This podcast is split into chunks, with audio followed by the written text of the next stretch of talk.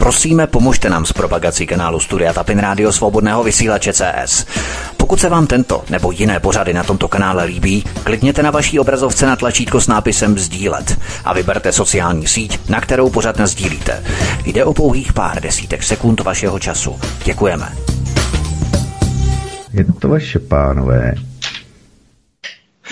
Ahoj Martine, takže už jsme ve vysílání, jak to správně chápu, takže zdravím tě, eh, příjemný večer přeju všem, máme brutální spoždění, nebudeme to asi rozebírat, to zbytečné, VK možná částečně vysvětlí, co se děje, nicméně zdravím vás všechny, přeju krásný páteční večer, zdravím tebe Martine, vás milí posluchači, i tebe VK, ahoj. No ahoj Vítku, počkej, já si roužnu, tady je tma. Dobrá. jo, malý moment. Um... Až svítíš displej na mobilu, to nestačí. Jedeme do vysílání VK. Jo, tak jenom aby si věděl. Tak nevím, jestli vypadlo spojení, nebo co se děje, co se odehrává. Vypadá to, že spojení tady funguje, no, nicméně. Ne, VK šel tady, nes, tady, abych nespadnul. No. Dobrý, tak jo, tak se slyšíme, uh, slyšíme se, jo, dobře. Slyšíme se v pohodě, takže zdravíme tě, hezký večer VK, ahoj. No, ahoj Vítku, uh, já ani nevím, s tím dneska uh, jedeme, uh, s tím jedeme. Jedeme s Martinem. A s Martinem, tak ahoj Martine, já tě zdravím, já tě zdravím. No a pustíme se do prvního tématu, protože opravdu tady je příjem, myšky dávají dobrou noc, takže pustíme se do prvního tématu.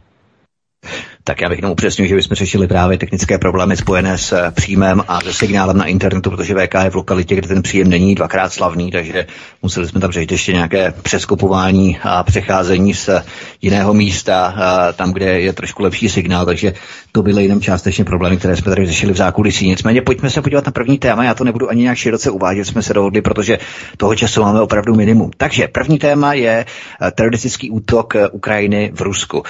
Vypadá to VK, že ten ukrajinský útok na Kreml sebou nese v zákulisí mnohem více záhad, nebo tajemství, řekněme, než to na první pohled vypadá, než bychom si přáli, že?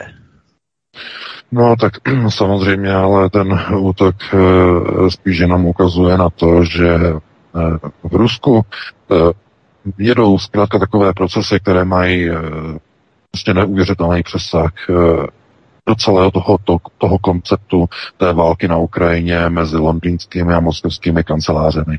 Protože to zásadní, to klíčové se vlastně odhalilo až včera večer, pozdě v noci, když Evgení Prigožin na eh, své tiskové službě Concord Group na Telegramu uveřejnil naprosto zásadní klíčové bombové video, které prostě si zaplavilo eh, všechna evropská média je to samozřejmě krátká nahrávka, asi dvě a půl minuty, nebo jak je to dlouhý. Máte to teď na Aeronetu uh, s mojím před překladem. Je to trošku delší video, než který uh, přinesli, uh, přinesla česká média, která zkrátila tu, pasáž o několik vět z nějakého důvodu zkrátili, asi si nezdáli nějaké prostě věty, kde tam Prigožin mluvil prostě o tom, že náčelníci a generálové z generálního štábu se pasují do rolí e, pánů nad životem lidí a podobně. E, to natočené video máte na Aeronetu a je to samozřejmě výstřel z Aurory. E, to, jak tam křičí a prostě nadává na Sergeje Šojku, na ministra obrany a na náčelníka generálního štábu Valery Gerasimova, Evgení Prigožin, že jo, tam lítají slova jako no tak pizděc, to je úplně to nejslušnější slovo, který tam je, tam potom lítají různý su, suky a další, takže eh, to tam máte a eh, on samozřejmě zaútočil na ně z jednoho jednoduchého důvodu, jako tedy, že Wagnerovci dostávají strašně málo munice, eh, chybí jim 70% procent normované munice mají dostat tedy objem, který je sjednaný podle norem, ale oni dostávají o 70% méně. 70% munice jim chybí. No a včera, toho 4. 4.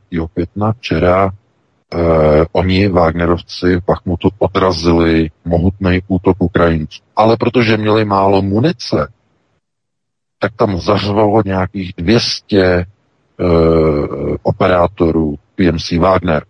200 za jeden den.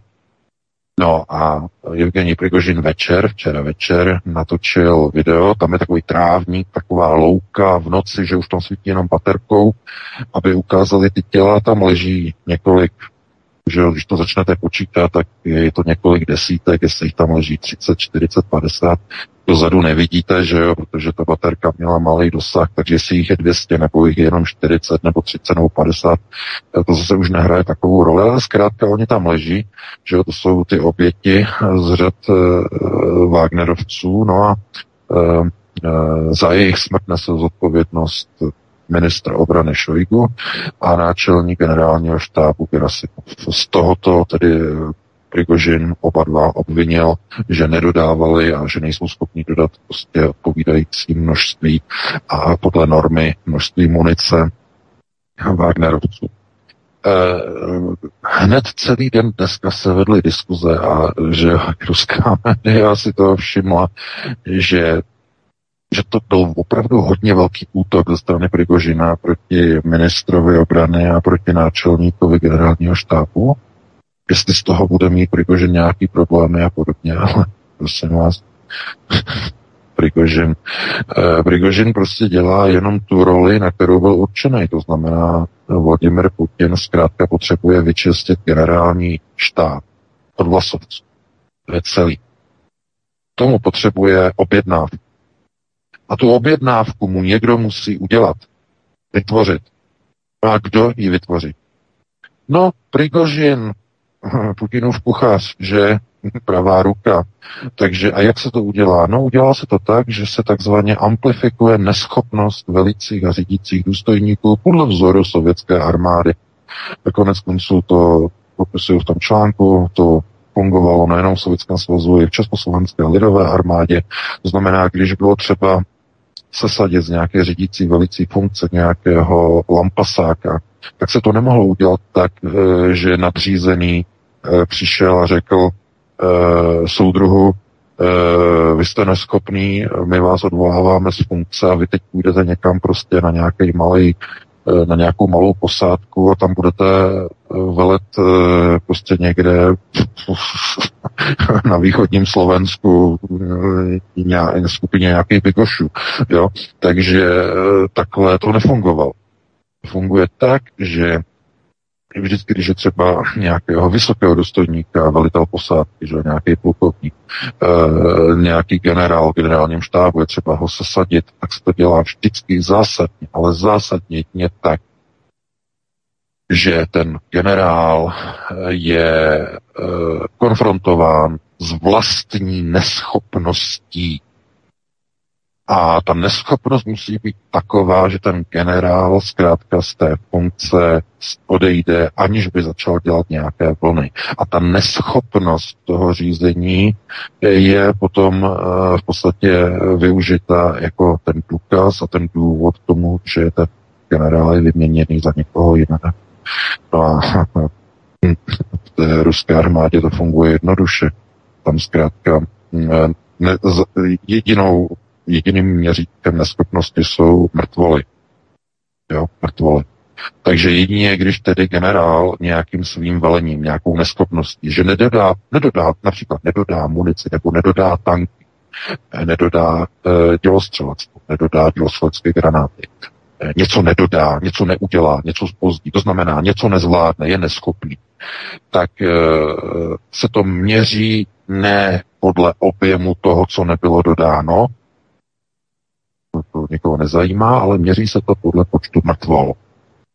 To znamená, když ten generál způsobí uh, smrt 200 lidí, tak už je to teda hodně a kvůli jeho selhání, protože 200 rodin, 200 manžel, 200 rodin, eh, teď minimálně jedno dítě, takže 200 dětí, ale spíš dvě děti, takže 400 dětí potomci, že jo, tohle to všechno. A ti všichni začnou řvát a křičet, že pro neschopnost tady těch eh, nahoře těch generálů je třeba je odvolat. Je to veřejná obětna. Takhle to proběhlo včera večer zkrátka na Telegramu. Takhle se to dělá v ruské armádě.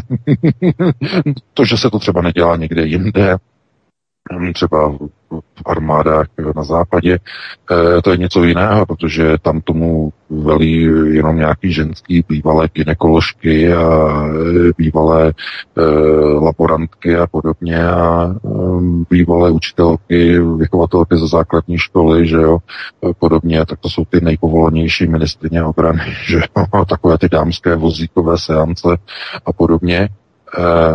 E, a to je něco zase jiného, že jo, tam neschopnost je vyžadována. Pozor, tam je neschopnost vyžadována. V západních armádách, zejména té české, té slovenské, neschopnost je vyžadována. Je vlastně tím nejdůležitějším parametrem, stejně jako pozice ministrů zahraničních věcí, ať České republiky, Slovenska, Polska. To znamená, tam je neschopnost eh, tím hlavním měřítkem, tím tou žádoucí požadavkou na to, aby tam ta daná osoba byla dosazená. To je něco úplně jiného. Neschopnost je vyžadována pro destrukci procesu národního řízení. Ano. Ale pokud jde o armádu, tam je to, tam je to obráceně. Tam neschopnost je nežádoucí a ta neschopnost je zkrátka používána jako nástroj na eh, čistky v armádě. Eh, eh, Vladimir Putin samozřejmě využije v nějaké příležitosti, nějaké době změnu na pozicích ministra obrany, eh, změnu na pozicích eh, náčelníka generálního štábu, ale nebude to tak rychle, jak bys někdo myslel.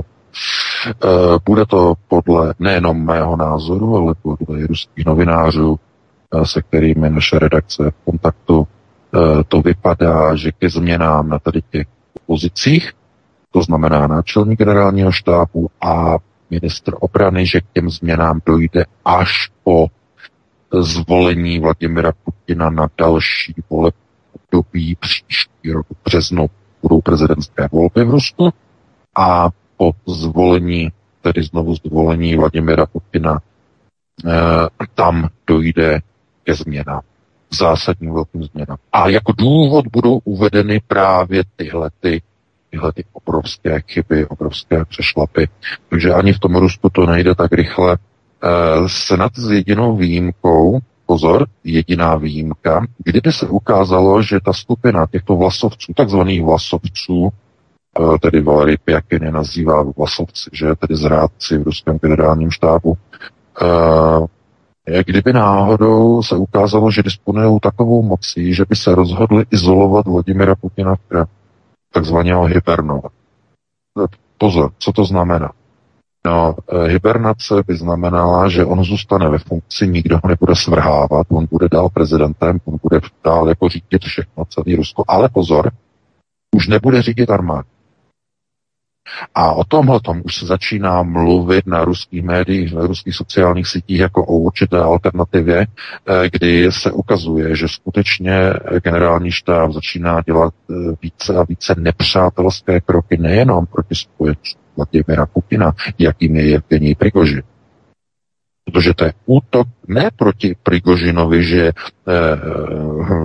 generální štáb nepošle jeho operátorům Wagnerovcům nepošle dostatek e, munice. To je útok proti Putinovi, proti jeho člověku. To znamená, e, pokud oni to dělají momentálně přes Prigožina, že škodí e, Putinovi tím, že škodí jeho pobočníkovi Prigožinovi, tak tím škodí samozřejmě renomé Vladimira Putina, protože všechny úspěchy ve speciální vojenské operaci zajišťují momentálně Wagnerovci, to znamená lidé, které vede pravá ruka e, Vladimira Putina, to znamená Evgení Prikoži. Ruská armáda si tam neškrtá na té frontě. Tam, tam všechny úspěchy sklízí jenom Wagnerovci. Jenom, jenom oni. A to, co dneska zaznělo v ruských médiích, že e, Prigožin pohrozil prý v Kremlu v noci, v nočním telefonátu, e, že pohrozil stažením e, svých operátorů, svých jednotek přímo z celé Ukrajiny, to znamená úplně by se Wagnerovci stáhli odevšat. Stáhli by se z Bachmutu. To znamená, Ukrajinci by to, by to uvítali jako vítězství a nahrnuli by se zpátky do dneska teda už prakticky úplně zničeného Bachmutu. začali postupovat dál. Stáhli by se Wagnerovci ze Soledaru. Znovu by Ukrajinci obsadili Soledar. Obrovské vítězství. Zhroucení ruské fronty. Úplně. Kdyby teď odešli Wagnerovci. No, nejenom podle mého názoru, ale i podle názoru ruských novinářů to Prigožin neudělá. Je to jenom výhruška, neudělá to, ale uh, ukazuje se, v jaké situaci je nejenom Kreml, ale celá ta speciální vojenská operace na Ukrajině. To pouze ukazuje na to, že tam znovu, tam nevidíme normální klasickou běžnou válku, ta válka je plná nenormálnost. Nenormálnost. Ruská armáda tam má svázané ruce. Od začátku operace ruská armáda nemá dovoleno útočit na ukrajinské železnice. Proč? No, ukrajinské železnice jsou ve společném majetku ruských oligarchů. Konkrétně tam má velké podíly v ruských železnicích e, ruský oligarcha Těrypaska. Ten samý e, Těrypaska a Michinanov, myslím, že se jmenuje, doufám, že teď správně jeho jméno, to je další ruský oligarcha, který vlastní v Kremenčuku skrze uh, Tetněft, uh, ruská uh, rafinérie, tak skrze ruskou rafinérii Tetněft vlastní největší ukrajinskou rafinérii Kremenčuk na západní Ukrajině. A představte si, že je vydaný generální zákaz, nesmí ruská armáda na tady tu největší ukrajinskou rafinérii útočit. No a komu dodává v rafinérie v Kremenčuku ropu, eh, tedy ropu ne, ale výrobky z ropy, eh, benzín a diesel. No ukrajinské armádě. Ta, je to jedna z největších rafinérií v Evropě. Chrlí, chrlí diesel, chrlí, chrlí benzín a eh, všechno jde pro ukrajinskou armádu. Takže ukrajinská armáda nemá problém s palivem. Ale ruská armáda nemá dovoleno tu rafinérii vybombardovat, protože patří dvěma ruským oligarchům. Není do, oba dva jsou mimochodem členové uh, Ruského židovského kongresu, jak Děrypaska, tak i Menichanov. A dva. Není dovoleno. A bojujte potom uh, na, v takové válce, takové divné válce. Nesmíte střílet na tohle, to nesmíte střílet na železnice, po kterých uh, na Ukrajinu z Polska se dováží zbraně. Protože ty železnice patří ruským oligarchům není dovoleno eh, vyhazovat do povětří železniční mosty přes několik řek, kdyby se vyhodil jenom jeden, jediný most. Z Polska nebude možné na Ukrajinu dovážet zbraně. Válka skončí. Neudělá se. Není dovolen. Chápete? Takováhle situace je Vladimir Putin. Nemůže vůbec nic. A to je konceptuální graf. Je to válka mezi londýnskými a moskevskými kancelářemi, tedy mezi sionistickými a chasickými.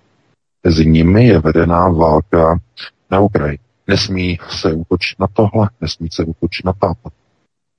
Další zajímavá věc, podivná. E, znovu, nedává to smysl. E, západ, že jo, kolektivní západ, Evropská unie, Spojené státy a ostatní uvalili sankce, všechny možné sankce na Rusko a na ruské představitele, na ruské politiky od Putina až na Rěbkova a dalšího prostě. Sankce, sankce, sankce, ale ani jedna sankce nebyla uvalena na generály ruského generálního štábu. Ani jedna jediná sankce. A čemu? To slučilo? No, přesně jak říká Valery Pěky, protože jsou to vlasovci. A na Ukrajině bojují ve prospěch Ukrajiny. Zdánlivě je to neschopnost, ale ve skutečnosti je to a balancuje to na hraně vlastně zrady. A proč, z jakého důvodu? No, mluví o tom Prigožin v tom videu, kde nadává e, těmhle generálům, že si válejí zadky v kancelářích eh, obložených sekvojovým dřevem a jejich eh, děti si užívají života natáčením videí na YouTube. No ano, přesně on kvůli tomu o tom mluví, protože eh, mluví o dětech těchto generálů, A všichni, ty děti těch generálů, generálního štábu, totiž všich, všechny děti studují tady na západě, na západních školách, na západních univerzitách. A ty dospělé děti, když dospějí, tak si e, vytvoří manželské svazky tady se západními ženami nebo se západními muži. To znamená, ožení se, provdají se tady na západě. Ty rodinky ruských generálů jsou proháčkované a prošpikované sem na západ. Kompletně celý generální štáb, úplně od zhora dolů. Jak chcete potom s takovýma generálama vést válku proti západu, proti kolektivnímu západu, když vaše děti se nacházejí v tom západu, mají biznesy, podniky, zaměstnání v těch západních zemích? Proč Západ neuvalil sankce na ty generály v ruském generálním štábu? No, protože to jsou lidi, kteří děl, pracují pro ně, pro kolektivní západ. A může Vladimir Putin udělat čistku jako Josef Stalin eh, v létě, červnu roku 41, potom v těch následujících měsících, když se ukázalo, že tolik ruských generálů e, projevuje takovou neschopnost, která hraničila s vlastní zradou. Němci se hnali, že Wehrmacht, jednotky SS se hnali k Minsku, hnali se tedy před celou Ukrajinu a e, tihle generálové udělali jednu jedinou věc. Nenechali vybudovat zákopy, nenechali vybudovat opevnění, nařídili vojákům, že se musí stáhnout, musí vyklidit úplně všechno a stáhnout se o 300, 400, 500 kilometrů zpátky. Tam e, se zastavili, poslali zprávu, že kvůli velkým bojům nemohli eh, nic jiného dělat, ale než se zase Němci přiblížili, tak zase se posunuli o další 450 kilometrů dál. Když to zjistil Stalin, nechal polovinu generálního štábu, tehdy to bylo v listopadu 1941, nechal postřílet polovinu generálního štábu. Tu druhou nechal naživu jako varování. To znamená, oni okamžitě se museli zlepšit. Jinak by je nechal postřílet taky. A myslíte si, že se v ruském generálním štábu za těch, no, kolik je to už, 78 let od konce války zhruba, eh, moc se toho nezměnilo. Znovu ti samí e, náčelníci a členové generálního štábu si žijí v přepichových domech, v kancelářích, že jo, luxusních. Jejich děti studují na západních školách. Oni si e, perou, že jo, ve sňatcích si perou příslušníky západních zemí, vytvářejí rodiny a podnikání a podnikatelské aktivity na západě a ta rodina najednou, najednou je skorumpovaná. Ona nemůže jít proti západu, protože ten generál, kdyby šel proti západu, tak eh, odsoudí eh, k smrti jako likvidaci své vlastní děti, kteří žijí v té Francii, nebo tady v tom Německu, nebo eh, žijí třeba, já nevím, ve Švýcarsku, nebo mají někde jinde prostě nějaké nemovitosti a tak dále, tak dále. Šli by vlastně proti vlastní rodině a ten generál to neudělá. Ale on nemůže to riskovat tak, že by bude obviněný z vlastní zrady. On to udělá tak, že to udělá jako z neschopnosti. Jako z neschopnosti. A teď otázka, jestli s takovým generálním štábem může ruská armáda uspět eh, ve vytyčeném plánu denacifikace a demilitarizace Ukrajiny. A nebo to skončí jako obrovské kupé. To je otázka teď samozřejmě. No, eh, Vladimir Putin nemůže udělat takovým způsobem, že by to udělal jako Stalin, že by prostě nechal postřílet polovinu generálního štábu, protože doba se posunula, dneska už jsou jiné metody, jiné módesy, ale eh, de facto ten, eh, ta příčina zůstává pořád stejná. Jak to pěkně vykresluje Valery Pjakin. Zkrátka jsou tam zráci, jsou tam vlasovci kteří nebojují za Rusko, ale bojují za svoje rodinky, říká rodinkaření. E, ano, za svoje rodinky, za svoje rodinky, které mají na západě, tak oni e, pracují, pracují velice usilovně na destrukci a na sabotáži speciální vojenské operace na Ukrajině. Takhle to vysvětluje jen už hodně dlouho. E, není třeba jako to nějak rozporovat, on to v podstatě popisuje velice věrně. Takhle to tam funguje. A to video s tím Prigoženem to pouze potvrdilo, ale funguje jako katalyzátor. Znamená, to video je zinscenované ve smyslu toho, že je je, přesaturované, je, je přehnané, on tam schválně takhle nadává těm uh, tomu Šojguovi, tomu Gerasimovovi, tam padají ta sprostá slova, aby to video bylo maximálně co nejvíce expresivní a ty výrazové prostředky, aby ukazovaly na tu na ten odpor, na tu neschopnost a aby to bylo všude slyšet, aby to bylo všude vidět, aby to všichni říkali a aby tím pádem Vladimir Putin a Kreml měli důvod provedení čistky. Otázkou teď je samozřejmě kdy, může to být v následujících týdnech, nebude to tak rychle, může s tím Vladimir Putin počkat až do svého znovu zvolení e, příští rok v březnu, ale zkrátka tohleto je na stole. Je to připravené, to nachystané, protože dál to takto samozřejmě pokračovat nemůže. Protože tohleto jsou vlastně zrádné procesy. Jestliže nedodá zbraně, Eh, minister nebo Gerasimov nedodají eh, Prigožinovi zbraně a dodají mu, je, dodají mu o 70% menší objemy, než je norma, než je normativ. Ne, že by někdo mu něco dával navíc, ale podle normy, která musí být dodržována, tak když mu dají jenom 30% z toho, co má dostat, tak je jasné, že tam potom zařvou lidi. No a přesně k tomu došlo. A proto to video přišlo na opět na obsah toho videa samozřejmě v budoucnu v blízké době využije pro vykonání čistky generálního štábu. Takže takhle bych to uzavřel. Naše první téma mám 2048. Vítku, pustíme se do dalšího eh, velice rychle eh, šup šup, eh, aby jsme to dneska já jsem se tě, VK, ještě chtěl zeptat předtím, myslíš, že pak můžeme překlenout už plynule na telefonické dotazy, že nebudeme hrát ani píšničku. Je to možné? No, to můžeme klidně potom hned okamžitě, jako jo. No. Nebo to můžeme udělat tak, že ta analytická, analytická část se trošku prodlouží a že ty eh, interakce budou kratší, protože stejně se ukazuje, eh, že nikdy nevyplníme celou tu hodinu ke konci pořadu, už skoro nikdo nevolá, takže když to bude o pět nebo deset minut eh, kratší ty interakce, tak vůbec se nestane.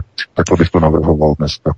Eh, jasně uvidíme, jestli bude třeba v zhuštěnější podobě, třeba, že lidé opravdu budou volat, protože minulé opravdu volali dost. Já si myslím, že i v rámci toho pořadu uvidíme. Tak uh, uvidíme, jak uh, to téma bude dlouhé. Máme tady ještě dvě témata, uvidíme, jestli zvládneme dvě nebo pouze to jedno, které tady máme teď. Prosíme, pomožte nám s propagací kanálu Studia Tapin Rádio Svobodného vysílače CS.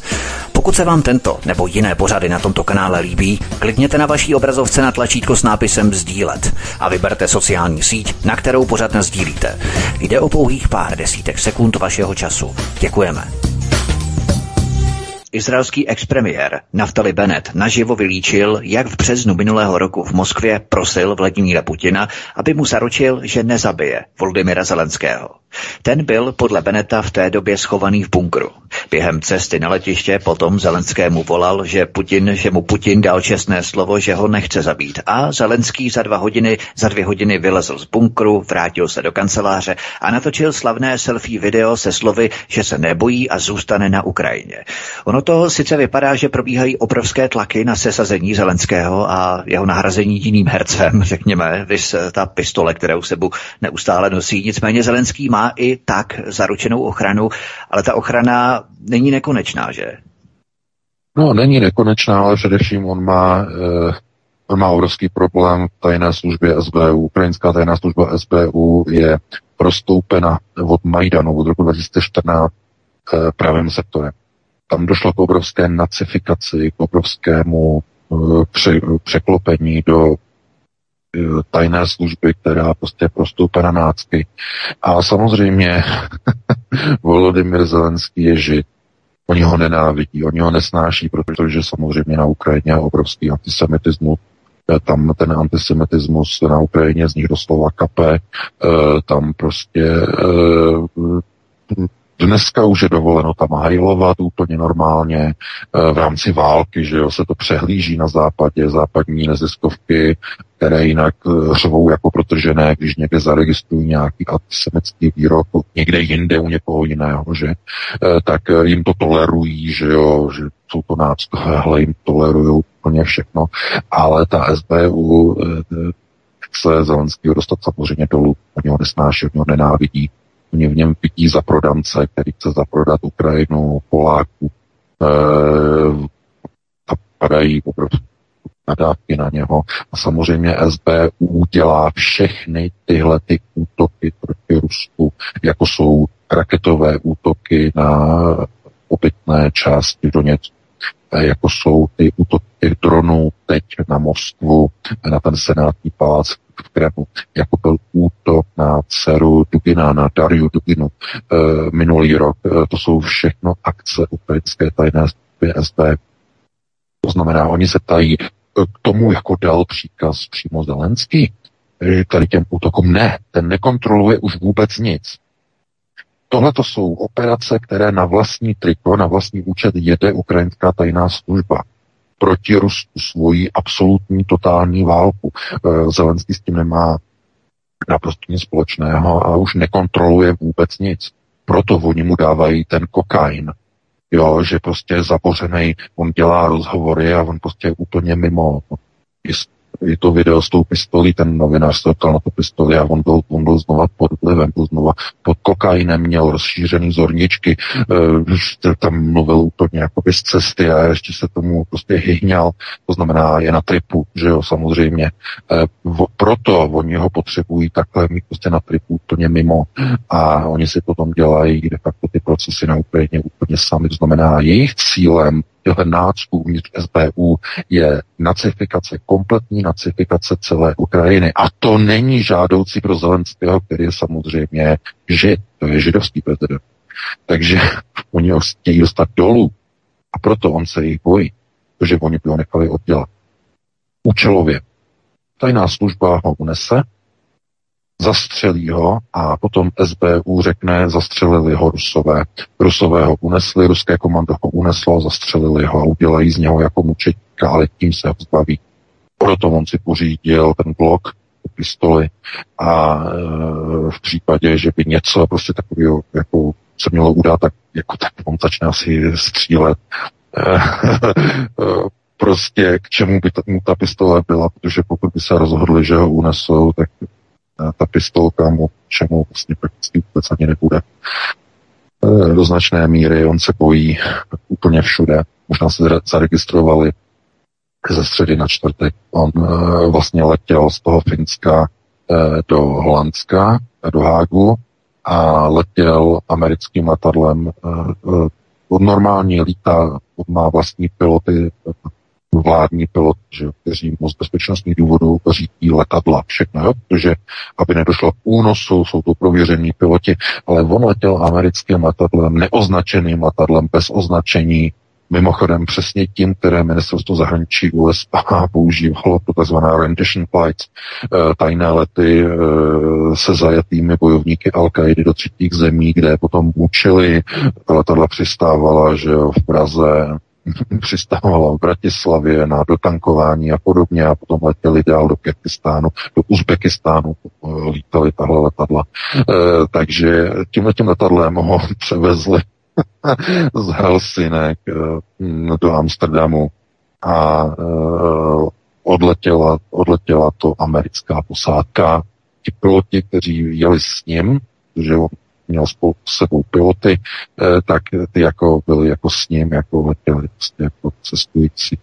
Eh, proč, z jakého důvodu? No, on se bojí, že samozřejmě krajinská tajná služba by unesla to letadlo a svalili by to na Rusy, že Rusové to provedli anebo by došlo k sestřelení toho letadla někde nad územím Evropské unie a byli by z toho znovu obviněni Rusové a už by to bylo zatažení Evropské unie do války s Ruskem. Řeklo by se, eh, ruští diverzanti operující na území Polska při přeletu eh, nad severní části Polska při cestě do, do Holandska sestřelili ukrajinského prezidenta, že jo, jako teroristický čin, bylo by to hodzeno jako na Rusko, a takže on se pojí o svůj život samozřejmě a svěřuje svůj život do péče amerických pilotů. To je trochu jako už hodně smutné. On se sjíždí na, jako na Kokešovi a de facto on má okolo sebe jenom nepřátelé. Vezměte si to, on je, on je židovský prezident a on má okolo sebe jenom nácky to To by porazilo. Je hodně silný chlapa. Takže on se sjíždí na Kokešovi, aby to psychicky moc. Protože každou chvíli ho tam někdo může sejmout, protože těch, eh, těch, eh, těch antisemitů je tam okolo něho tolik z pravého sektoru, z Aidaru, z Azovu, tam je tolik, každý z nich, každý single, který tam je, ho může v nějaké chvíli v návalu steku za nějaké jeho rozhodnutí sejmout. Zkuste se do toho vžít, do té jeho situace. To, to by tak někdo nezvládl. Nebo minimálně tedy, když on jede na tom kokainu, on se takzvaně uvolní, že jo, je mu to jedno, co se mu stane a pořídí si nějakou pistoli a potom se směje tomu, co by s ní dělal, kdyby náhodou ji musel použít, že ne proti sobě, ale že by se s ní prostřílel. No a prostřílel by se s ní samozřejmě na Krchov, to je zcela jednoznačné. Takže takhle bych to asi uzavřel, Vítku, další téma a pustili bychom se ještě do jednoho. Prosíme, pomožte nám s propagací kanálu Studia Tapin Rádio Svobodného vysílače CS. Pokud se vám tento nebo jiné pořady na tomto kanále líbí, klikněte na vaší obrazovce na tlačítko s nápisem Sdílet a vyberte sociální síť, na kterou pořád sdílíte. Jde o pouhých pár desítek sekund vašeho času. Děkujeme. Ukrajinský ministr zahraničí vyvolal poprask v televizním vystoupení svým prohlášením, že bude možná potřebovat ještě další ofenziva. Eh, pardon, ne potřebovat, ale že bude možná potřeba ještě další ofenziva, když tahle chystaná nesplní cíle úplného vytlačení ruské armády z celého území Ukrajiny. Po, řekněme, tom fiasku s eh, líknutými informacemi o chystané invazi, myslíš, eh, že je tohle poslední vzedmutí zbytků britské armády, řekněme, britské, ukrajinské, ukrajinské armády, nebo opravdu dojde k tomu, řekněme, afgánskému scénáři, čili ne konvenční válka ale jako taková, ale takový vleklý terorismus a partizánská válka, která bude trvat desetiletí, podobně jako to bylo právě v tom Afghánistánu. E, no, ten vleklý konflikt tady ani ne, ano, Afghánistán je taky jedním z modelů, ale tady spíš by se jednalo o model palestinský. To znamená, uh, Ukrajina jako země by řekla, Eh, my se nesmíříme s tím, že tady někdo okupuje naší zemi, budeme bojovat, budeme čerpat od mezinárodního společenství peníze a zbraně a za nějakou dobu e, získáme zase tu svoji zemi zpátky. Tohle to si říkali a říkají palestinci. Na svých okupovaných územích už od toho roku 48, říkají si to pořád. A podívejte se, kolik desítek let uniklo nebo uteklo a mají oni svoji Palestinu? Ne. Rok co rok se jejich území zmenšuje a zmenšuje a zmenšuje a zmenšuje a zmenšuje a zmenšuje. A jestli pak někdo uvaluje sankce na Izrael za okupování Palestiny,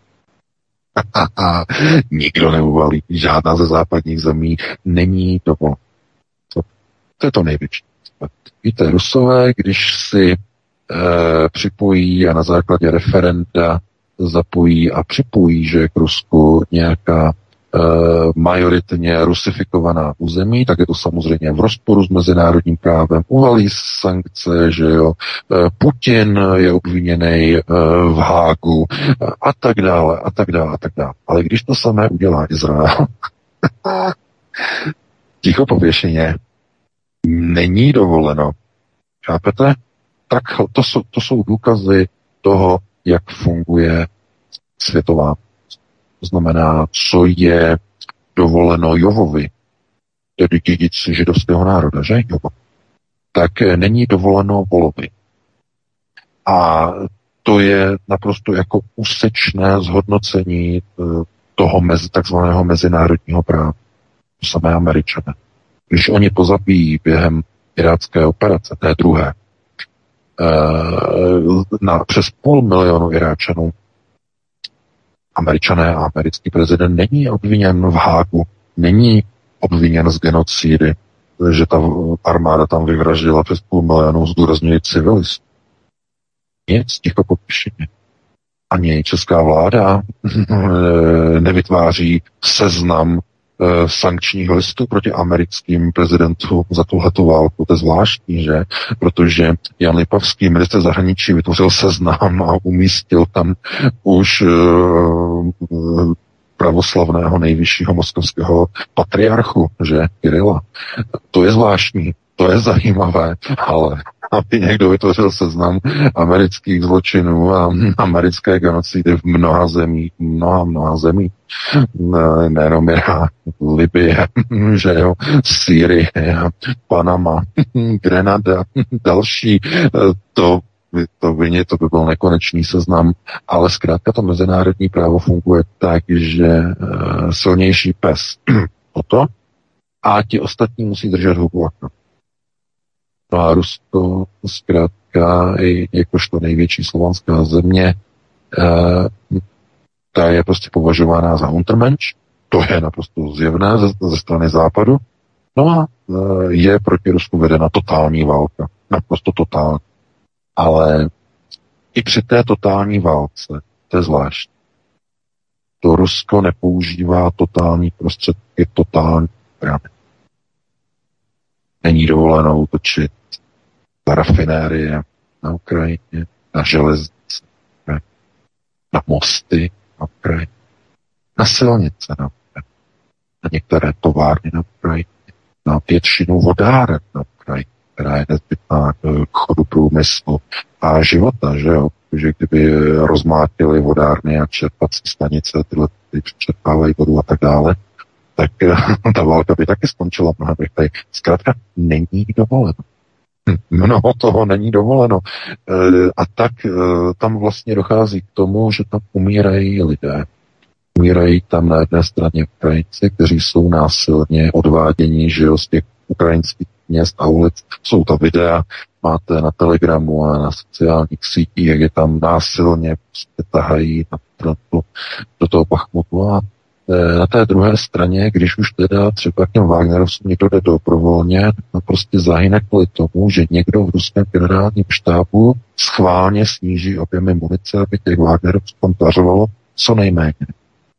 Aby Ukrajinci neutrpěli takové porážky, aby tito generálové, kteří mají své rodiny a děti v západních zemích, aby je nevystavili nějaké porážky. Takhle funguje speciálně princip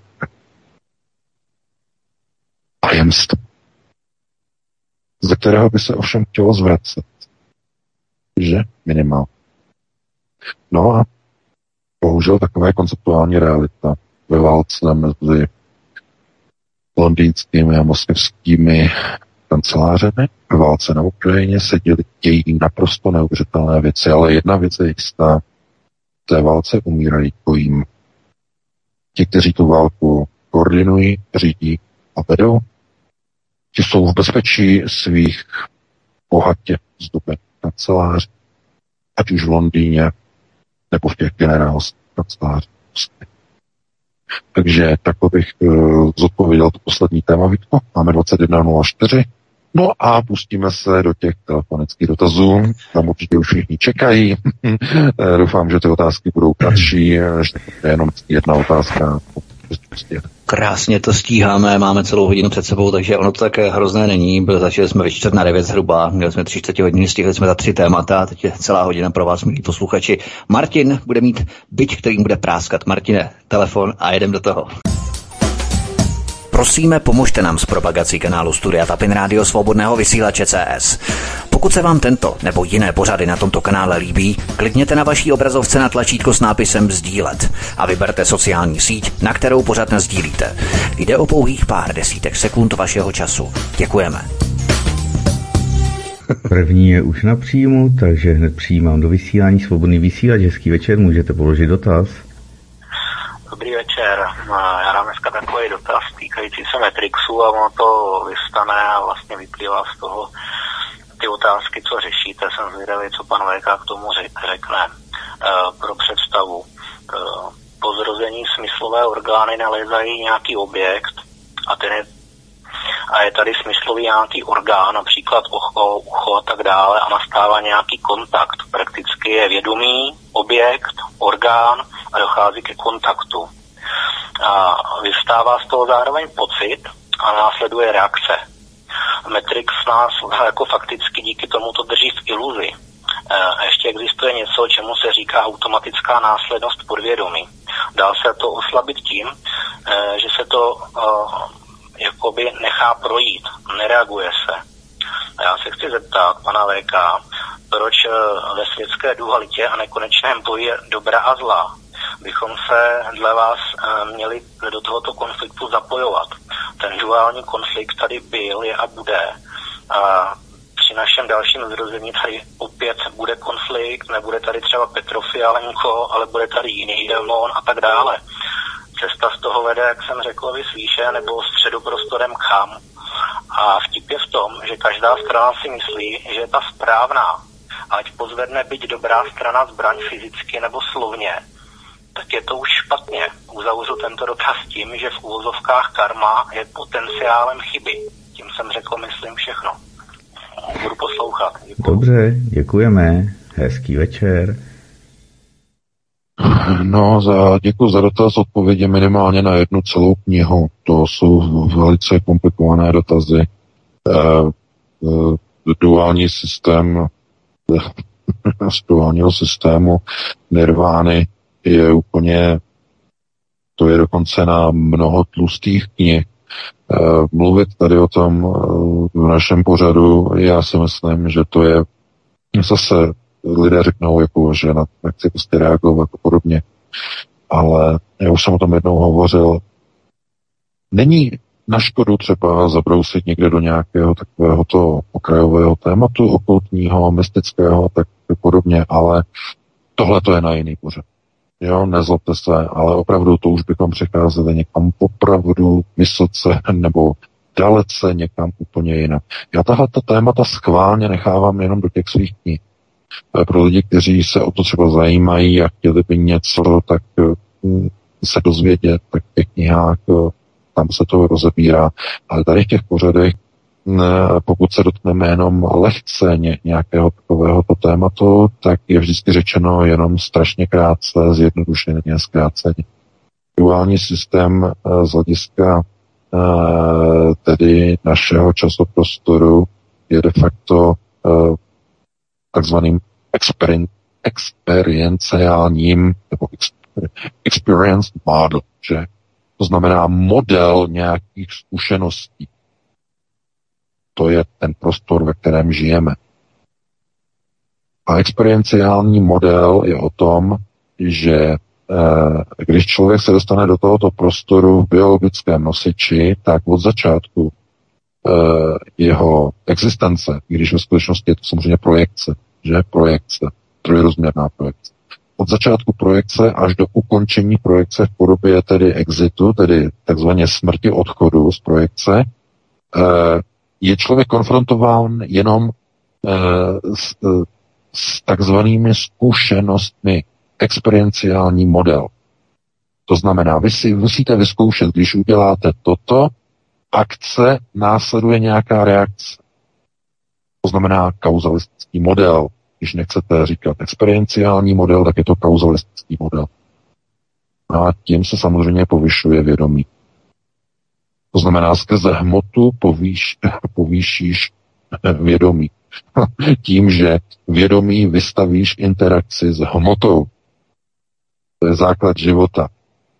Tím se buduje, zvyšuje se tedy takzvané vnímání, smyslový level a podobně, podobně. Ale hledat eh, nebo více do toho pronikat eh, co je před začátkem projekce, na konci projekce. Um, to, by bylo, to by bylo zase s velkými přesahy, na to opravdu nemáme čas ani prostor. Já si myslím, že od tady toho jsou jiné pořady, je to spousta pořadů na YouTube a na dalších sociálních sítích, eh, kde máte videa, kde se tohoto probírá velice odborně a rozsáhle meditační schémata, eh, jak se zbavit závislosti na hmotě a podobně, eh, odhmotnění a zvyšování jednotlivých eh, mentálních stavů a tak dále a tak dále. Ale to by bylo na jiný pořad.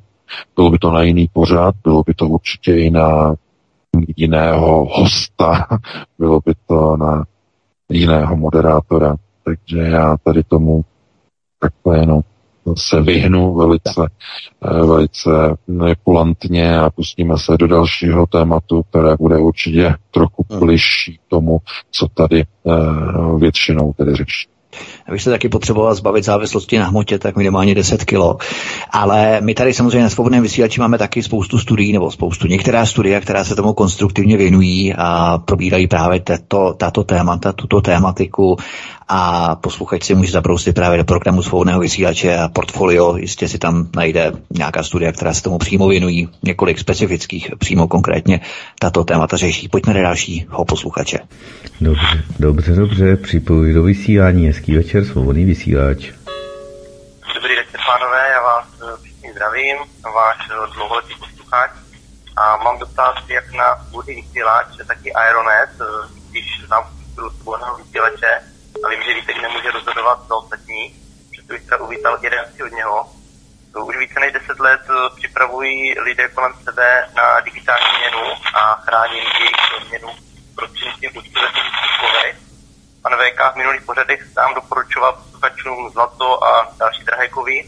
A můj dotaz zní, jestli by svobodný vysíláč a Aeronet chtěl také anonymní účet ve fyzických slicích v Good Delivery standardu ve zlatě a ve stříbře, nebo budete čekat, až nastane chvíle, kdy vám centrální autority budou blokovat účty z důvodu těch nepodobných informací. Já si osobně myslím, že pak bude fungování jak podného vysílače, tak i toho ohrožení. Teďka teda nečekám od vás jeho rozhodnutí, jestli ano nebo ne, když se vás sám, jestli stojíte o probrání informací, bez kterých se samozřejmě rozhodnout e, nedá. Případě, že byste uvažovali o této nabídce, tak poprosím studio o přeposlání mého telefonního čísla, jak Vítkovi, tak panu VK. Případně mě můžete kontaktovat na mail martinstrelec.cz Děkuji za to, co děláte. Prosím tedy o vaše vyjádření. Děkuji. Dobře, dobře, děkujeme.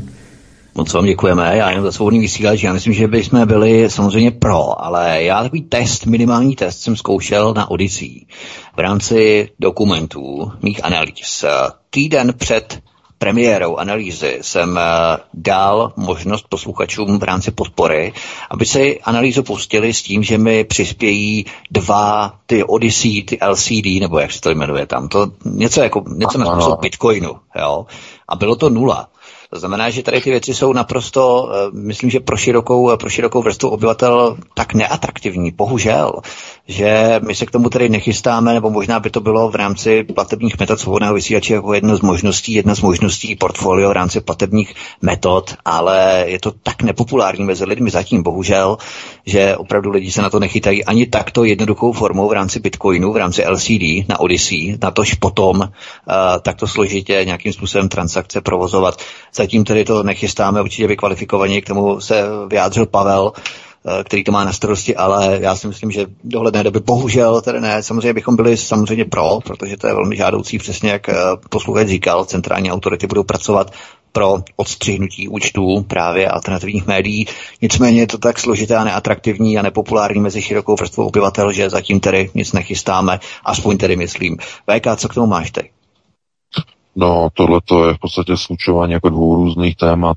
Jedno je zavádění, zavádění tzv. digitální identity a e, digitálních aktiv a podobně. E, samozřejmě, co s tím bude souviset totální kontrola lidé, co kupují, co prodávají a tak dále a tak dále. A druhá věc je, jsou nějaké restrikce a nějaké útoky proti spravodajské mm, alternativě a nějaké prostě blokování nějakých účtů a podobně. Já bych tohle to vůbec jako nezapojoval. Samozřejmě, že když něco nebo něčemu takovému eh, by došlo, tak by se to muselo řešit tak, že by se prostě museli otevřít nějaké účty v zahraničí, lidé by nepřispívali na koronové účty eh, v Česku, ale museli by posílat zahraničním převodem do zahraničí, eh, kde není taková cenzura. Další možností by bylo, že by lidé začali přispívat eh, na kryptoměny, pokud by chtěli, aby nějaký projekt prostě přežil. Eh, spousta lidí nepoužívá kryptoměny, protože to neumí používat, takže s tím by byly velké problémy. Eh, tak znovu, to je prostě nějaké technické řešení zajištění financování a podobně, které nemá až takovou přímou souvislost s tím, jestli někde se používá zlato, někde se používá stříbro, virtuální zlato, virtuální stříbro, různé anonymní účty a podobně. Eh, to je v dnešní době, víte, co se třeba, jsou ta nová, ta nová směrnice Evropské unie, která se jmenuje zkráceně MICA, M-I-C-A, MICA, eh, to je eh, nová směrnice, která omezuje nebo reguluje, lépe řečeno reguluje používání krypta eh, na kryptoburzách a kryptoměnách celé Evropské unie a celé prostoru takzvané Evropy. To znamená, obchodníci budou moci používat a přijímat kryptoplatby, bitcoinové platby a další platby ale budou muset být identifikováni, budou muset být centrálně registrováni a tak dále a tak dále. Já o tom chystám článek.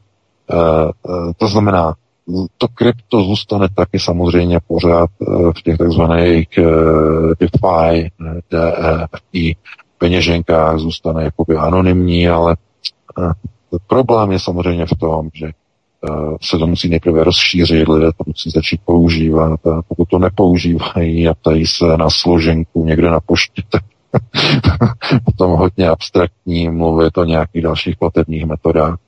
Eh, z vlastní zkušenosti eh, tady lze říct nějaké, nějaké věci, že taková nejschutnější cesta je třeba dneska přispívat jako anonymně, což je jako anonymní krypto, dnešní době třeba Monero.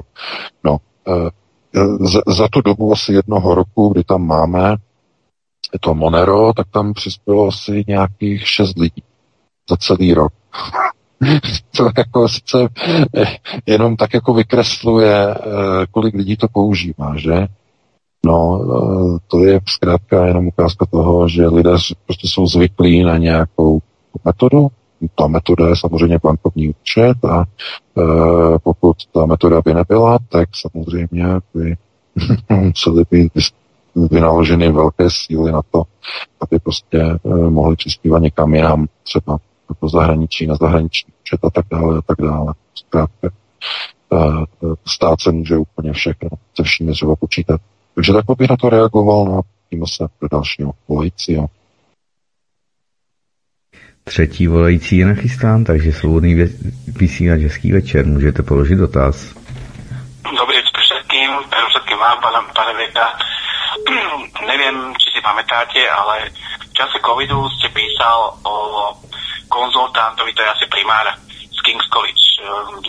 No, hovorím vám to v tej súvislosti, že môj otec uh, tam ležal, vlastne ten uh, na surgical critical care v King's College a tento pán bol vlastne pánom nad životom a smrťou, ktorý vlastne povedal, že on nepotrebuje v Anglicku povolenie na to, aby svojho otca odbil od prístrojov. No a prečo vám to hovorím vlastne? Bo vy často mm, nerad hovoriť o Ježišovi a tak a jedno s druhým a príde, to všetko trošku bolo inak. No ale moja otázka je, alebo aj nielen na vás, ale aj za sebe sa pýtam, keďže tento konzultant povedal, že mojemu otcovi vlastne není už pomoci, že na 99% zomre a že vlastne mu vysadia tie podporné uh, um, preparáty, že do 12 hodín zhruba zomre. Um, že ako je možné, že keď som začal sa intenzívne modliť a, nakúpil som si tie sošky u Pakistáncov paradoxne a u takýchto uh, bez, bezbožákov, lebo tam to bolo najlacnejšie, že vlastne ten otec sa z toho dostal nakoniec. Alebo uh, ako je možné, keď už bol na Slovensku, o 6 rokov neskôr už zomrel, že ako je možné, že keď bol už v kóme a vlastne uh, sama bol v kóme, hej, nebude to na dlho, prepáčte, a lekári mi povedali, že on ma nemôže počuť a ja som povedal pri smrteľnej posteli, že tatinku, jestli budem niekedy taký dobrý otec, aspoň z polovice ako ty, uh, tak budem spokojný so, život, so svojím životom a on začal plakať. Ale ja som aj tak tomu neveril, že ma keďže lekári tvrdili, čo to tvrdili. Ale jedné, jedné, jednu hodinu som, keď, keď už bol vlastne po smrti, už zomrel, tak som si položil otázku Ježišku, ak ma ten otec počul, daj mi nejaké znamenie. Napravka žiarovka. Aká je šanca, že tá žiarovka praskne aj druhýkrát? Alebo aj teraz s mamou. Dobrá. Aká je šanca, že sa mi podarí moju mamu priviesť uh, späť uh, s modlitbami aj mojich detí? Uh, Dobře, dobře. Dobře, To je, dobře. to je celé. Prostě, prostě Fajn. už, už Dobrá, myslím, že bylo rozumíme. Moc vám děkujeme. Mějte se hezky. Naschledanou. zásadní. Tak, VK, co máš k tomu eh, v rámci odpovědi na tuto otázku? No samozřejmě jsou je, i takzvaně jemně hmotné procesy, to znamená, eh, když umírající člověk to má něco společného s tou úplně první otázkou, to znamená, ta projekce začíná narozením, končí eh, ve chvíli ukončení projekce, kdy entita, teď budeme hodně abstrahovat od toho, jak ji budeme označovat, mluvíme o entitě, opouští tedy nosič, to znamená biologické tělo, tak se přesouvá do takzvaného unitárního prostoru. Ten unitární prostor je přístupný skrze některé portály, eh, které jsou ale ustanovované nikoli jako stavby. Jste si přesně nějakou stavbu, že tady máte portál jako pránu, to projdete. Ty portály jsou eh, budovány na jemně hmotné úrovni a ty si můžete představit buď velice silné mantry, to jsou takzvané audiomantry, to znamená zaříkávání. Mantry, eh, například buddhismu, mají velkou souvislost s witchcraft. To znamená s čarodějnictvím, zaříkávání, za- zaříkávadel.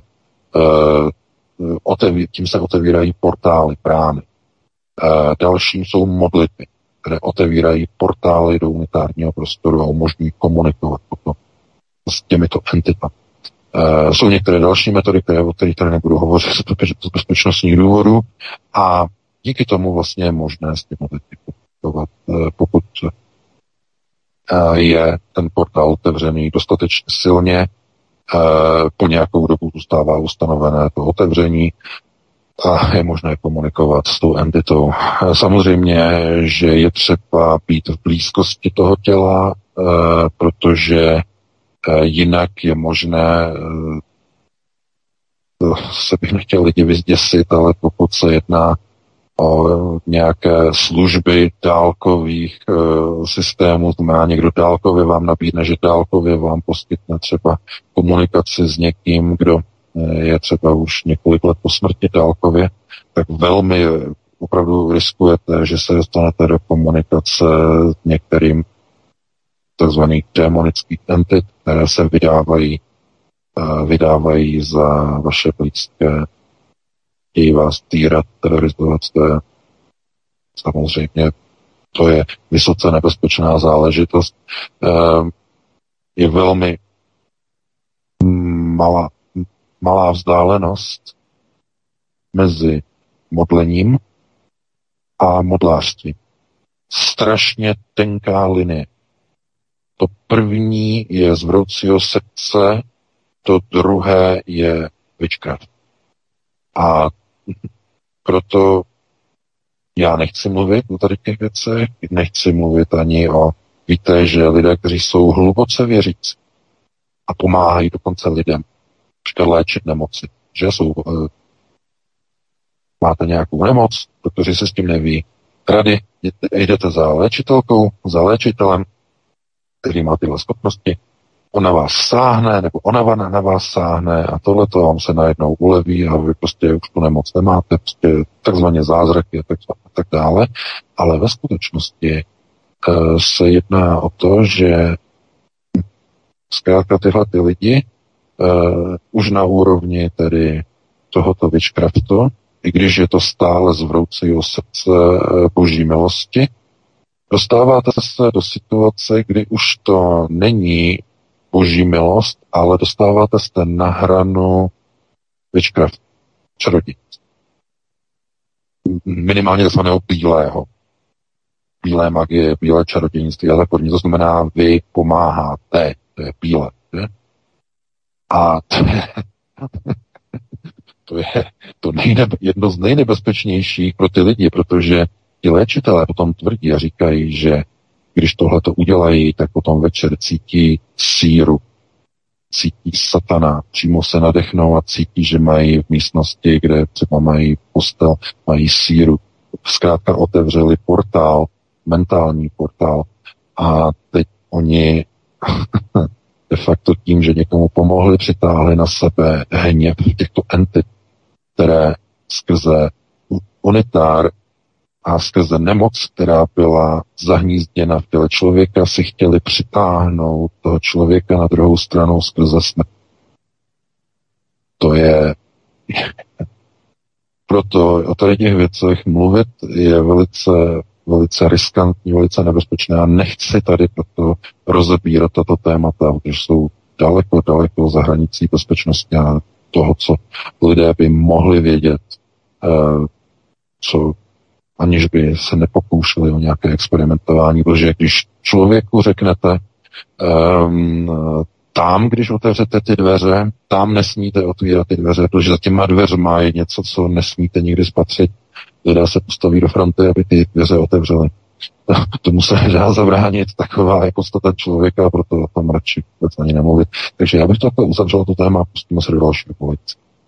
Dobře, dobře, jdu ho připojit. Vydržel svobodný vysílač Český večer do Německa. Ano, dobrý večer. Slyšíme se? Ano, můžete položit otaz. Dobrý večer všetkým, panu VK, panu Vítkovi. Na začátku len eh, poznámku, nejak tie témy, ktoré, o ktorých hovoril pán VK a pán Vítek, tie dôležité bezpečnostné témy, ako Ukrajina, Zelenský a útok na Krym, ako keby nejak e, išli popri e, nejakých poslucháčov, pretože oni vždy dávajú otázky, ktoré nesúvisia s témou. Tak už tomu prestávam rozumieť, ako buď to nepočúvajú, alebo ako sa hovorí na Slovensku, niekto o voze, niekto o koze, druhý o voze. Takže len to na začiatku tak.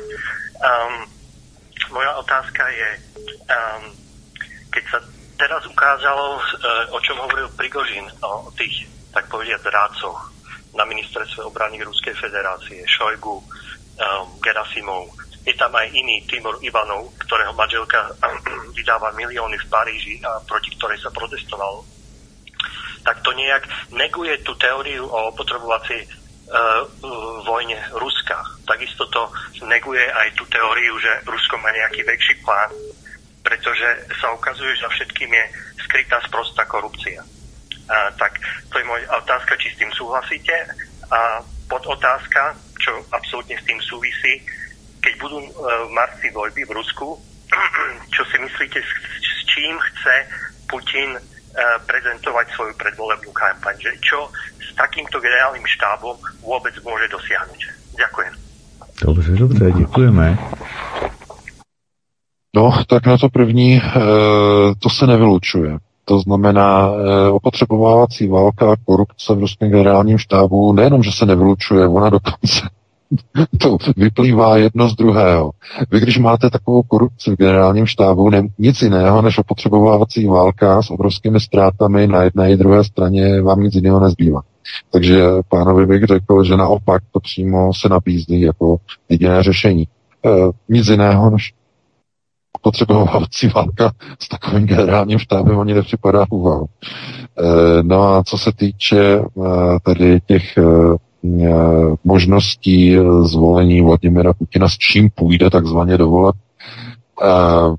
no téma bude samozřejmě, nebo hlavní téma bude samozřejmě vítězství na Ukrajině a Rusové asi nikomu jinému než Putinovi tu důvěru nedají Eh, co se týče toho takzvaného koncového vítězství na Ukrajině a denacifikace a demilitarizace Ukrajiny.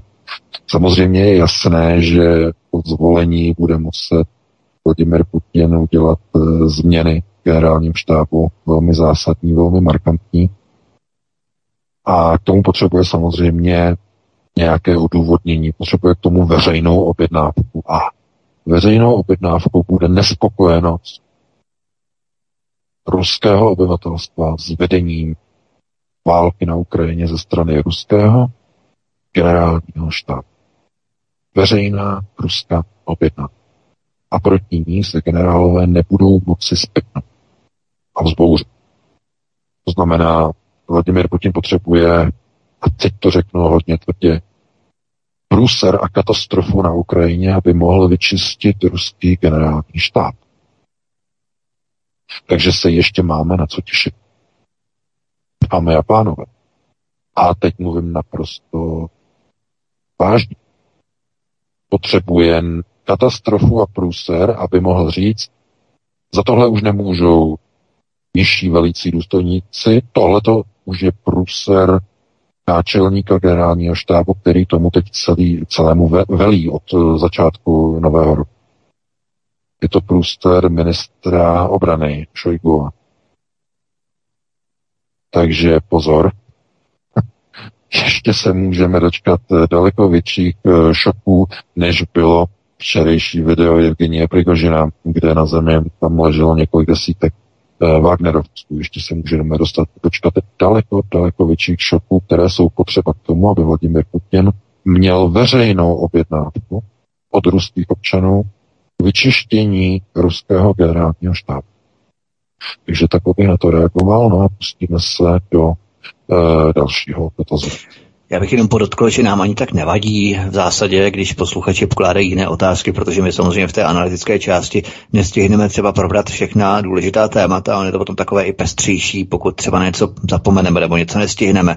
Lidé se na to ptají, takže nemusí to být pouze výhradně v rámci toho ranku, který probíráme v rámci té naší analytické části. Je to úplně jedno, nevadí to, pokud samozřejmě ty dotazy jsou nějak aktuální, vztahující se právě k té geopolitické situaci. Takže to je všechno. Pojďme na dalšího posluchače. Dobře, dobře připojuji do vysílání Svobodný vysílač Hezký večer. Můžete položit dotaz. No, dobrý večer, pane Veka, to, to, to, to, to já slubujem, že už nebudem trápit tím duchovném. Vám chcem povedať... Uh, Já se omlouvám, my tady máme takové nepsané pravidlo, že lidé volají pouze jednou, tak no. my vás musíme hodně odpojit, my se hrozně moc omlouváme. A prosíme, zavolejte třeba příště, můžete položit další otázku, ale my chceme, aby se dostalo na co nejvíc lidí. Jo? Takže uh, my dáme prostor dalšímu posluchači, který se dovolá, který položí další otázku. My se omlouváme, my jsme to samozřejmě nezdělili před tou hodinou, že dáváme prostor jednomu člověku pouze v rámci toho vysílání, takže asi to budeme muset říkat, protože jsme to opravdu, je to i na, částečně naše chyba že jsme to nezdělili. Tak, Martin, máme nikoho nového? Máme, zase slovenská předvolba, tak svobodný vysílač, hezký večer, teď jsem z toho zmaten. Ďakujem. Chcem sa vás spýtať, že objavila sa taká správa okolo dronov nad eh, Kremlom. Veľmi som nezachytil, ako to bolo. Viete mi k tomu povedať niečo viacej? Ďakujem. Dobře, dobře, dobře. Drony, ten útok, že ano? To byl ten úkol, mm-hmm. jo. Mhm. Tam, o tom měli článek na Aeronetu, tam je to kompletně popsané. Já jsem o tom mluvil dokonce teďka v našem pořadu, myslím na začátku. To byla první uh, otázka, eh, to byla to první otázka. To, to první otázka, takže, takže pán nás asi neposlouchal, takže já bych ho asi odkázal na začátek našeho pořadu, potom ze záznamu asi jsme to neopakovali. Uh, myslím si, že tak to bylo nejlepší. Hmm. My jsme to ale možná dostatečně rozšířili, tu otázku, protože respektive tu odpověď, protože my jsme potom plnule hned přešli na toho Prigožina a nějak jsme to nerozšířili. Ten úder, já jsem, já, jsem, já jsem to říkal, ten úder, já jsem to vysvětloval, ten úder uh, přichází samozřejmě od uh, ukrajinské tajné služby SBU, která se rozhodla, že vede svoji vlastní válku proti Rusku a už jdou a jedou mimo uh, vedení Volodymyra Zelenského, ten už prostě nic nekontroluje. Takže všechny útoky proti Rusku, útoky na rafinérie, útoky na Kreml, útoky na Dariu Duginu, to všechno přichází od ukrajinské tajné SBU, to ta je postoupená náckama, nacista, eh, kteří nenávidí Zelenského. on co ty mě. on má tu nálepku, že on se objímá s polským prezidentem, s největším nepřítelem ukrajinských nacionalistů. Poláci jsou hned po Rusech, teď momentálně kvůli válce, jo? dřív jako třeba ne, ale teď kvůli válce jsou druhý největší nepřátelé ukrajinských nacistů. Poláci. A oni, když vidí Zelenskýho, jak se objímá s Andřejem Dudou, že jo, a Duda potom řve v Krakově na tom schromáždění, že e, jednoho dne nebudou žádné hranice e, mezi Ukrajinou a Polskem, tak tady těm náckům ukrajinské SBU eh, doslova vstávají jako ruce nad hlavou a vlasy hrůzou na hlavě, co se to děje a co prostě ten Zelenský vyvádí s tou Ukrajinou. Oni chtějí tu Ukrajinu skutečně maximálně nacifikovat. Chtějí maximální vlastně ten model té Ukrajiny, to znamená těch procesů, že slava Ukrajiny, gerojam sláva a v nich je takový antipolismus tak obrovský, že oni tohleto nemůžou zkrátka přenést přes srdce, takže jedou svoje vlastní aktivity, a ve chvíli, kdyby přišla, eh, samozřejmě to je, to je přímo na spadnutí, ale ve chvíli, kdyby přišli pouště vojáci na bratrstvou pomoc eh, na Ukrajinu, eh, objevily by se okamžitě útoky proti polské armádě a říkalo by se, dělají to Rusové, v skutečnosti by to dělala ukrajinská tajná SBU. To vám garantuju, minimálně ve Lvově. tam, tam by to lítalo. Takže takhle bych na to reagoval. No, dalšího dotazu. Další. Tak, máme společnost. Další je naslouchačka, takže já ji připojuji do vysílání a může položit dotaz. Dobrý večer, tady posluchačka Jarka z Krásného údolí. A já bych se chtěla zeptat pana VK, když má být tu ten víkend koronovace Charlesa, jak to vidí, jestli je to poslední král vlastně Velké Británie, protože všude, jako i v Africe a ty ostatní kolonie, to vlastně spadají pod království Velké Británie, se chtějí odtrhnout a vlastně i z jeho Africké republiky požádal ten jeden pán o navrácení diamantů z žezla král Charlesa III. Jestli by se k tomu mohl pan VK vyjádřit. Děkuji hmm. pěkně a budu poslouchat. Přeji Dobře, večer. děkujeme. Děkuji. Naschledanou. Naschledanou.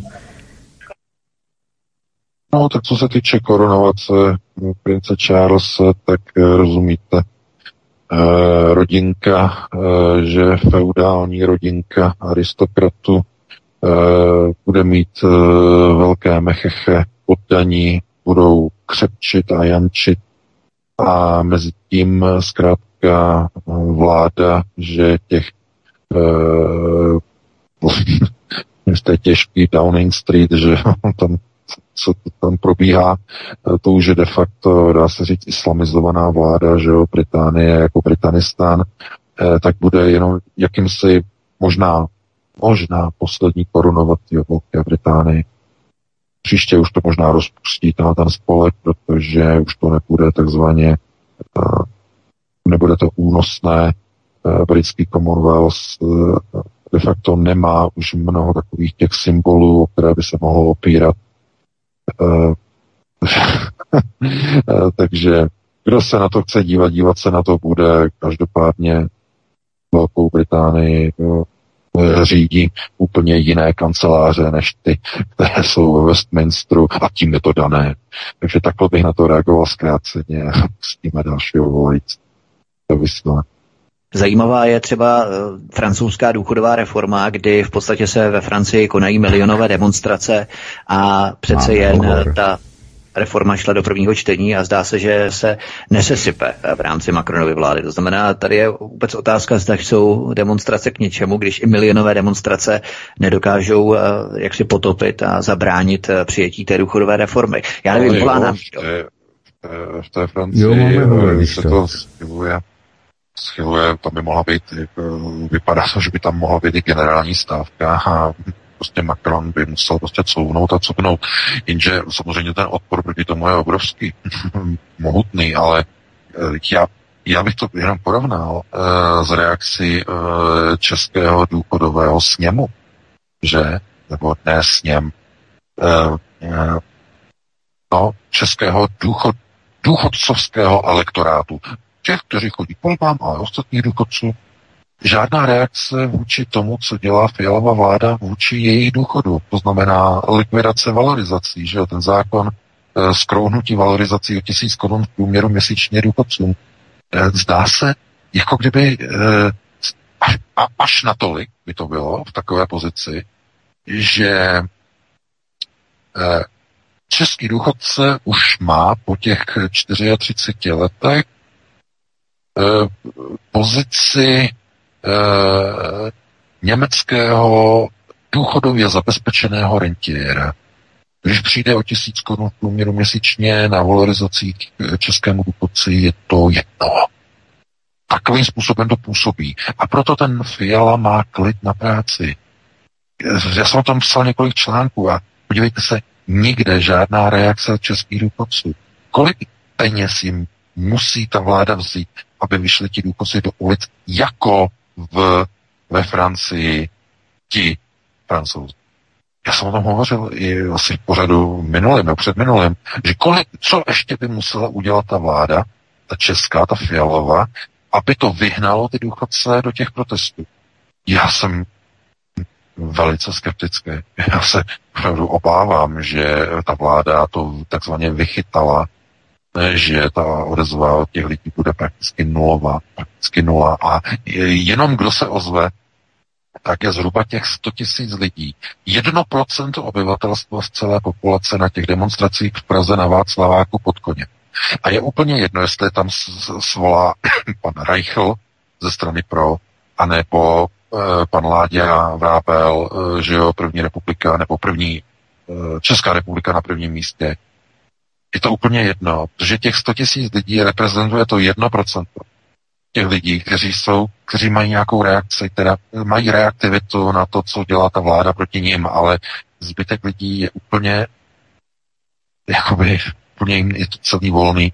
Uh, já jsem o tom hovořil, takže to nebudu opakovat. Máme 21.50, máme nějakého volajícího? Já bych jenom překlenul eh, opravdu velmi stručně. Mluvil jsem s Láďou Vrábelem před dvěma dny a chtěl bych všechny pozvat, eh, pokud si myslíte, že byste tam měli být a neměli byste tam chybět. Zítra v sobotu se koná další demonstrace, kterou pořádá právě Láďa Vrábel, plán Česká republika na prvním místě. Eh, je to od 10 hodin už dopoledne, bude tam veletrh vlasteneckých myšlenek, potom odpoledne začne hlavní část té demonstrace.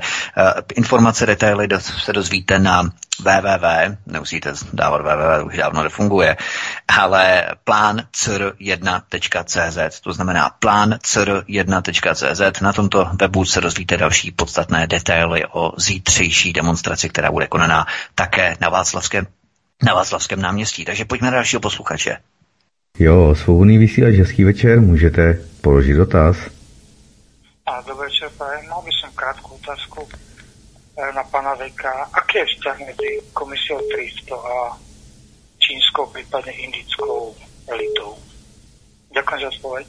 Hmm, dobře. Hm, hezký večer. Takže komise 300 a elita v Číně. No samozřejmě, uh, prosím vás, to jsou uh, elity takzvaného světového řízení, systémového řízení, kdy celý svět uh, je tady rozdělený do jedných, uh, do takzvaných regionů, stejně jako máte DVDčka, když si dáváte DVDčka do DVD přehrávače, já vím, že už to dneska nikdo nepoužívá, uh, nebo i Blu-ray jsou že regiony, region 1, region 0, region 2, 3 a tak dále, do, do regionu teď se někdo ptá, jako, proč to tak bylo rozdělený.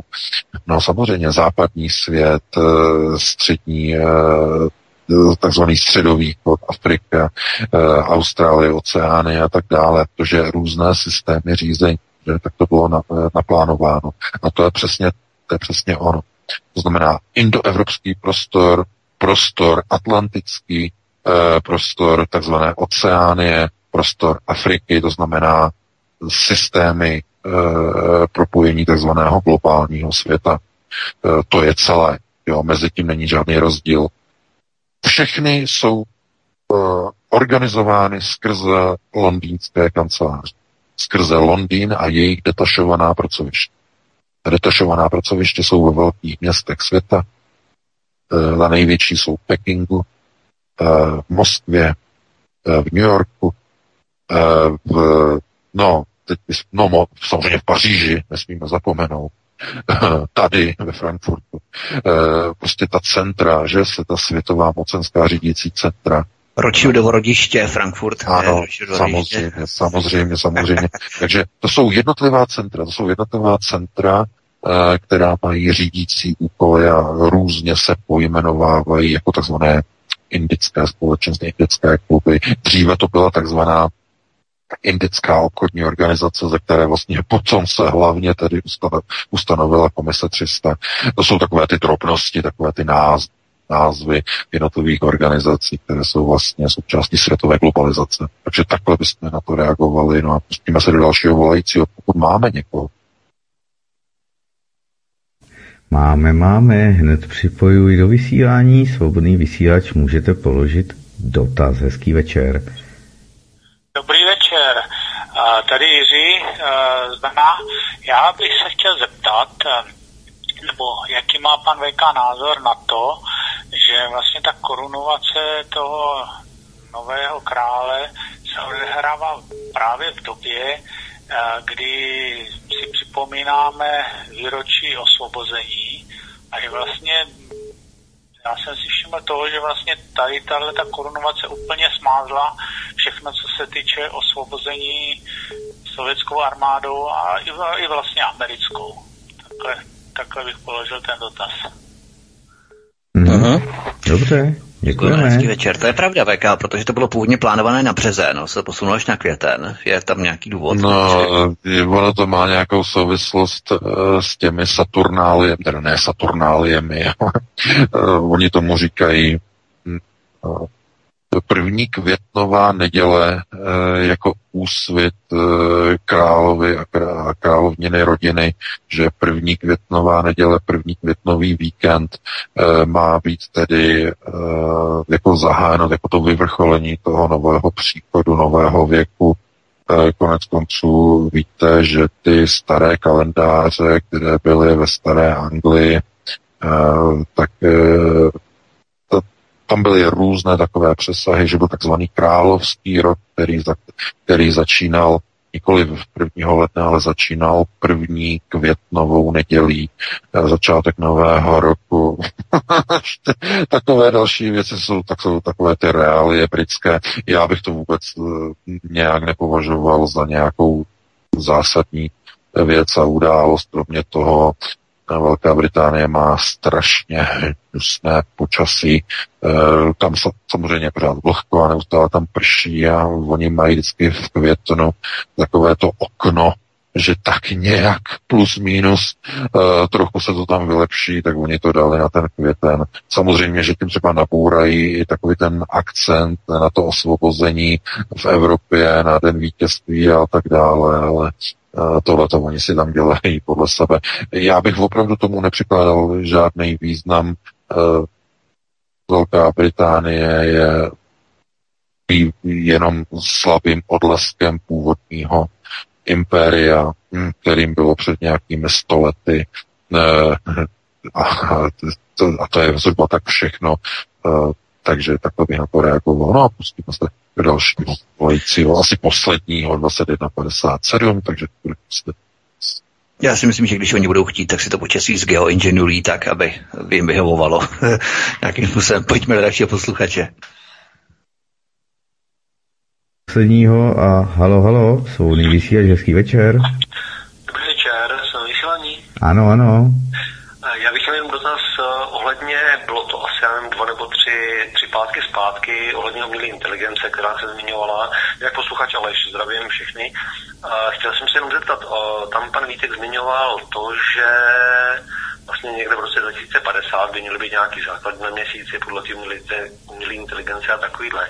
Jenže z čeho ta umělá inteligence vychází? Informací, které jsou na internetu, kde vlastně e, bylo uváděné, že v roce, já nevím, 68. přistáli na měsíci američani a jestli to byla pravda, nebyla pravda, tak jenom jestli tohle jako je uh, pan Véka schopný nějak okomentovat uh, tenhle ten stav tady ty věci, nebo jak bych to řekl, na základě jakých informací ta umělá inteligence vlastně vytváří tady Rozum, to hmm, jako, dobře, dobře. Jasně, rozumím, rozumím. Zdravím Já jsem, já jsem o tom hovořil už několikrát, protože nikdo nezná protokoly těch umělých inteligencí. Bez znalosti protokolů není možné říct, z čeho ty umělé inteligence čerpají.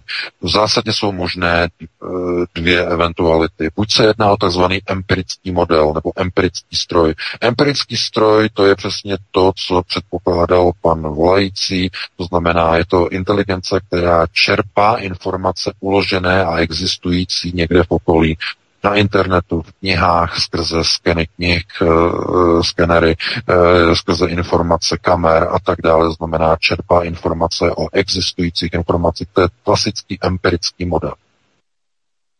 Druhý modelem je model deterministický. A to už je trochu jiná kategorie. Deterministický model e,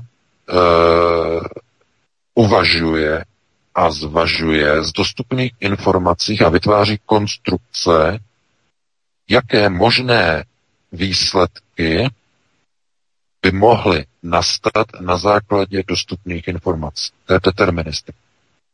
A to je deterministika jedním z projevů nebo schopností umělé inteligence. E, teď je otázkou, jestli třeba ten, e, ta umělá inteligence u, nebo společnosti OpenAI, to znamená chat GPT, jestli tohle to umí, jestli takhle funguje e, její vnitřní protokol, interní model, to znamená deterministické, anebo eh, je to kombinace obojího, to znamená eh, deterministika tam je zahrnuta, ale teď z nějakého procenta, třeba 30%, 70% je empirika, deterministika je 30% a podobně. To nevíme, nikdo to neví. To znamená, ten systém je soukromý, je privátní, nikdo do, do toho úplně dověř nevidí takže těžko říct. Takže taková by byla poslední odpověď. Máme přesně 22.00. Vítku, Martina, já se s váma loučím. Dneska to bylo zase technické problémy a e, všechno okolo. Bylo to velmi kratší nebo o mnoho kratší a zase ne o tolik, protože jsme probrali úplně všechno, všechna témata. Dneska to bylo zhuštěné, zestručněné, takže abyste nepřišli, nemusíte plakat. E, Příští týden už doufám, že už to bude další, že to bude od těch 19.30 a opět přineseme aktuální témata z domova i ze světa. Já vám přeji krásný týden, užijte si víkend a pro tuto chvíli dobrou noc. Já se s tebou taky rozloučím, VK, měj se moc hezky, i s tebou, Martine, i s vámi, milí posluchači, děkujeme vám, že nás sdílíte, že nás podporujete. Za chvíli bude pořad dostupný na kanále Odyssey, takže tady si ho můžete poslechnout z archivu, ze záznamu. Já jenom pozvu eh, v krátkosti na jednak eh, pořad, který bude následovat. Eh, Michal ve studiu Praha bude hrát, bude hrát na výročí, budou samozřejmě zajímavosti ohledně hudebního světa, takže kdo chcete, určitě zůstaňte u poslechu svobodného vysílače. A taky pozvu na třetí a čtvrtý díl nesvaté aliance mezi Vatikánem, CIA a mafií, nebo mafií a CIA, který bude v pondělí a ve středu 19 hodin. Třetí, čtvrtý díl o papeži Františkovi prvnímu, jeho operaci v rámci jezuitů, v rámci operace Kondor v Jižní Americe, v Latinské Americe, ještě když byl Borgolio a tak dále. Bude to velmi zajímavé, určitě si na to počkejte. I záhadná smrt papeže, to bude ve středu. Takže to by bylo všechno ode mě, se všichni krásně, od mikrofonu vás zdraví Vítek, dobrý večer, případně dobrou noc. Takže dámy a pánové, díky moc a Míša už je nachystaný a já vypínám, ať se může připojit a kalendárium je prý nachystáno, takže dámy a pánové, děkujeme, dobrou noc. Prosíme, pomožte nám s propagací kanálu Studia Tapin Rádio Svobodného vysílače CS. Pokud se vám tento nebo jiné pořady na tomto kanále líbí, klikněte na vaší obrazovce na tlačítko s nápisem Sdílet a vyberte sociální síť, na kterou pořád sdílíte. Jde o pouhých pár desítek sekund vašeho času. Děkujeme.